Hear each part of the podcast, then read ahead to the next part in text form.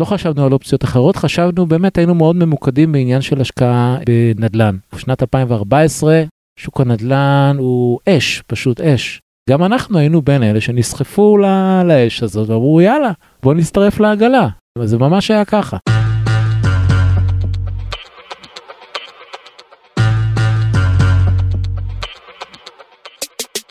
שלום לכם, מה קורה? אני גיא ליברמן, עורך הנדל"ן של עיתון גלובס, ואתם מאזינים לפרק השביעי של כסף בקיר.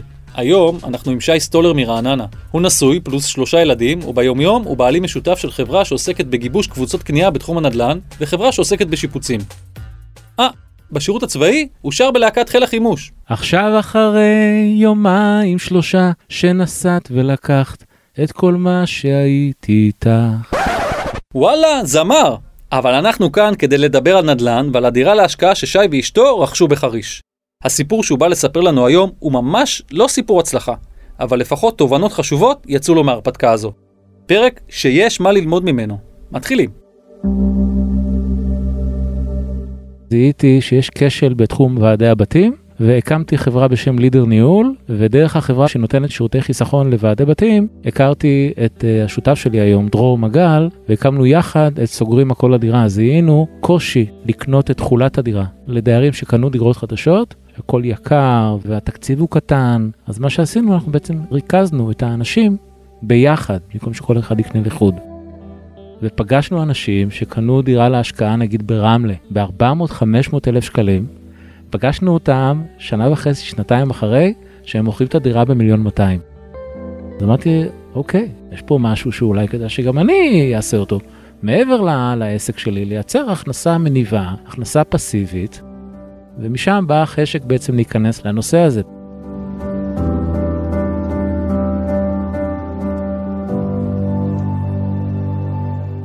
אז התחלת להתעניין? זאת אומרת, איך זה עובד? אתה יושב עם אשתך, אתם מדברים על זה, אתה אומר... האמת היא שאשתי הסבה את תשומת ליבי לאיזשהו מייל שהיא קיבלה, שיש פרויקט שעומד לקום בחריש, ויש הזדמנות יוצאת דופן, באמת בסכום מצחיק, להיכנס לקבוצה בחריש, ממש שעוד חריש בכלל הייתה שממה.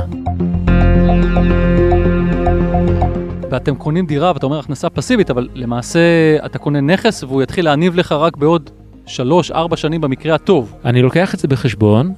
האמת אבל אה, כשאתה נכנס להשקעה כזו, במיוחד ב-2014, אתה גם יודע, שוק הנדל"ן היה ממש ממש גבוה, אז uh, אתה נמצא בתוך חוויה מאוד מאוד חיובית. אני מדבר במישור הפסיכולוגי, עזוב את הקטע הקר שאתה משקיע. וזה נראה השקעה כאילו מדהימה. לא צריך אפילו להפעיל פה את הראש, זה ברור שזו עסקה טובה. לא בא לי לבאס אתכם עם ספוילר, אבל במרחק של חמש שנים מהעסקה, שי רחוק מלהגיד שמדובר בעסקה מדהימה.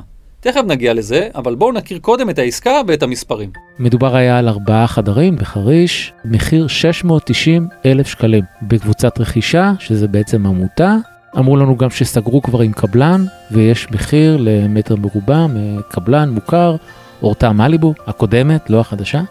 הכל נשמע לנו מאוד מבטיח, מה שנקרא עסקה שהיא באמת כאילו רק לאסוף אותה וליהנות ממנה בהמשך. מה היו האופציות האחרות? זאת אם לא לקנות את הדירה הזאת, עברו לכם מחשבות, אולי מניות או דברים אחרים? לא חשבנו על אופציות אחרות, חשבנו, באמת היינו מאוד ממוקדים בעניין של השקעה בנדל"ן. וברגע שראינו את ההזדמנות הזו, מאוד uh, התלהבנו.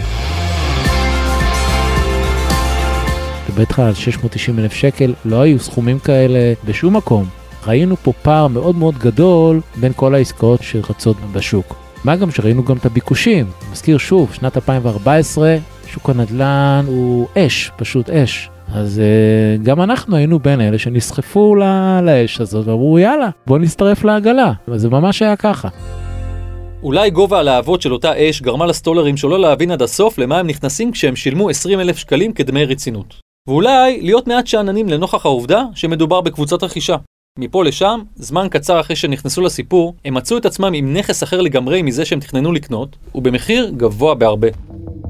לאורך הדרך היו שינויים, זו קבוצת רכישה. זה משהו שאני פחות הכרתי, הכרתי את זה תוך כדי, מה שנקרא על רטוב, לא על יבש. הייתה התייקרות מאוד מאוד גדולה. אחד, כשהלכנו לבחור את הדירות, כבר לא היו ארבעה חדרים, היו דירות חמישה חדרים. שזה כבר באופן טבעי דירה יקרה יותר. והדבר השני, מסתבר שכשנכנסנו לקבוצה, המחיר לא נשאר אותו מחיר, היו התייקרויות, שינו את התכנון של הבניינים לבניינים יותר יקרים מבחינת האבזור שלהם, ובעצם גם בפועל תומחר לא נכון הפרויקט. ופשוט הודיעו באופן חד צדדי שהמחירים הולכים להתייקר, וכשאתה נמצא בתוך הקבוצה, וכבר התחייבת וחתמת על המסמכים של העמותה, אתה מחויב לכל שינוי, ובעצם מחויב להזרים את הכסף. אז כמה בסך הכל שילמתם על הדירה הזאת? אני מדבר על דירת חמישה חדרים, מחסן ושתי חניות, מיליון פסיק שישים אלף, משהו כזה. אבל אני שואל אותך כמשקיע נדל"ן, יש לכם פה דירת חמישה חדרים, אם לא, אני מבין, יש איזשהו קנס יציאה, בטח יש איזה סכום שצריך להשאיר מאחור. האם באותו רגע עדיין כמשקיע זה נראה לך אטרקטיבי? באותו רגע שאנחנו בחרנו את הדירות, זה עדיין נראה אטרקטיבי.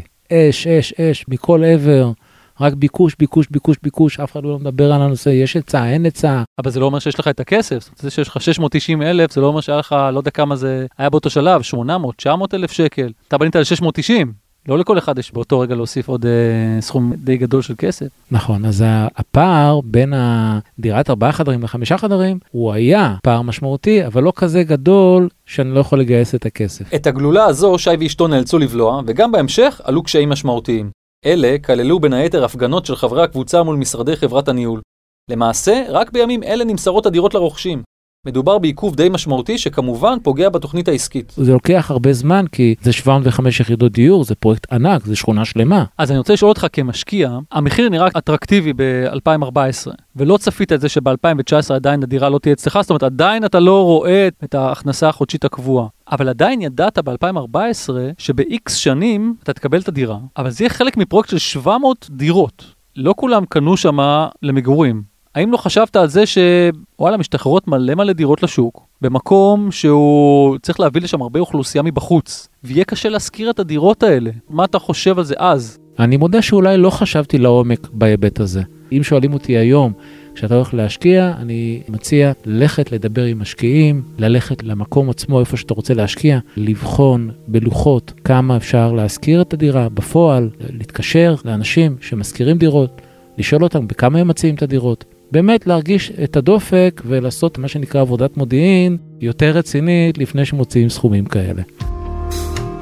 נניח ומחר דירת החמישה חדרים שלך, מקבל את המפתח מחר. בכמה אתה יכול להשכיר אותה היום במחירים שקיימים היום בחריש? בסביבות ה-2800 שקל, 2,700 שקל, אלה המחירים היום. אני עדיין מכסה, כי המשכנתה שלי יחסית קטנה, כי הרבה מהכסף שמתי מההון העצמי שלי. כך שזה עדיין יכסה לי את המשכנתה, זה לא ייצר איזושהי תשואה פנומנלית, אבל עדיין אני בפלוס במשכנתה. איך אתה מגדיר את ההשקעה הזאת היום? הצלחה? כישלון? אמצע? היא לא הצלחה, אני חושב שהיא איזשהו סוג של uh, ציונות. זה הפך להיות משהו ציוני וחלוצי, חומה ומגדל כזה. בדיעבד, אחרי שעברתי את כל מה שעברתי ולמדתי המון בתחום הזה, אני הייתי פועל אחרת. הייתי לוקח דירה ישנה בפתח תקווה או ברמת גן, משפץ אותה ומשכיר אותה. אני מניח שאני אהיה בסדר עם הדירה הזאת, והתשואה תהיה בסדר והיא תתיישר לחדרה ופרדס חנה, סביבות ה-4,000 שקל במקום 2,500 שקל. אבל זה ייקח זמן. עד כמה שזה נשמע מפתיע, הניסיון הלא מוצלח דווקא השאיר טעם של עוד אצל שי שחושב היום לרכוש דירה נוספת להשקעה. אני מאמין גדול בעולם נדל"ן. אתה לפעמים נופל, לפעמים מנצח, זה בסדר גמור, זה חלק מהמשחק, זה חלק מה שנקרא מהמכות שמחשלות אותך והופכות אותך לאיש עסקים טוב יותר, חכם יותר, מלומד יותר. מה שחשוב זה לא להפסיק לעשות, להיות בהתפתחות, אבל גם לשמור על צניעות. כי הידע לא נמצא רק אצלנו, הוא נמצא אצל הרבה אנשים, ותמיד אפשר ללמוד ולהקשיב ואז לפעול.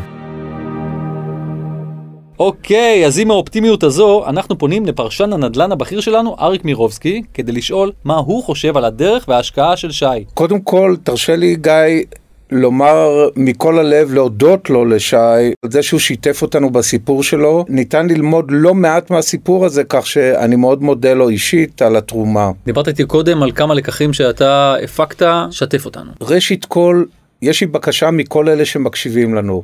השקעות טובות ברוב המקרים לא קוראים עליהן במודעות בעיתונים. השקעות טובות נעשות לאחר שהמשקיע ברר אותן בקפדנות, אסף מידע ובאמת ליקט בפינצטה, מיין את המידע הזה ולאחר מכן הלך להשקיע. הוא לא הלך בעקבות הודעות בעיתונים.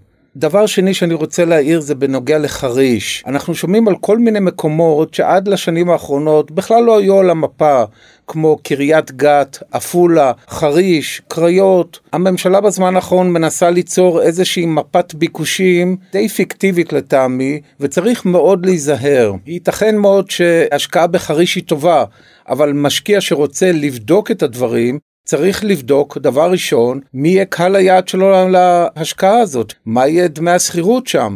זה שהדירה עולה בזול זה לא מספיק. דבר שלישי שמאוד uh, חשוב בסיפור הזה זה קבוצת רכישה. כשאתה קונה גיא דירה להשקעה, קיימת אפשרות שההשקעה היא לא הכי טובה בעולם ותרצה לחתוך ותרצה למכור את הדירה.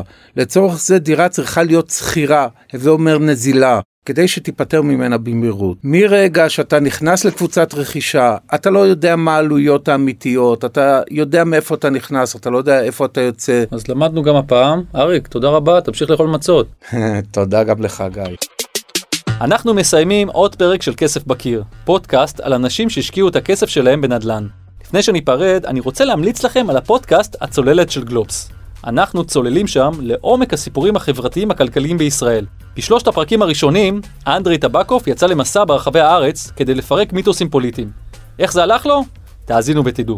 תודה לשי שהתארח אצלנו, ותודה לעורך רון טוביה. אני גיא ליברמן, ואם אתם נהנים כמוני, אתם מוזמנים לדרג אותנו גבוה באפליקציות הפודקאסטים, ולהמשיך לעקוב אחרינו. ואם אתם מכירים משקיעי נדל"ן מעניינים, ספרו לנו, אולי נזכה לשמוע גם על ההשקעות שלהם בכסף בקיר. ביי!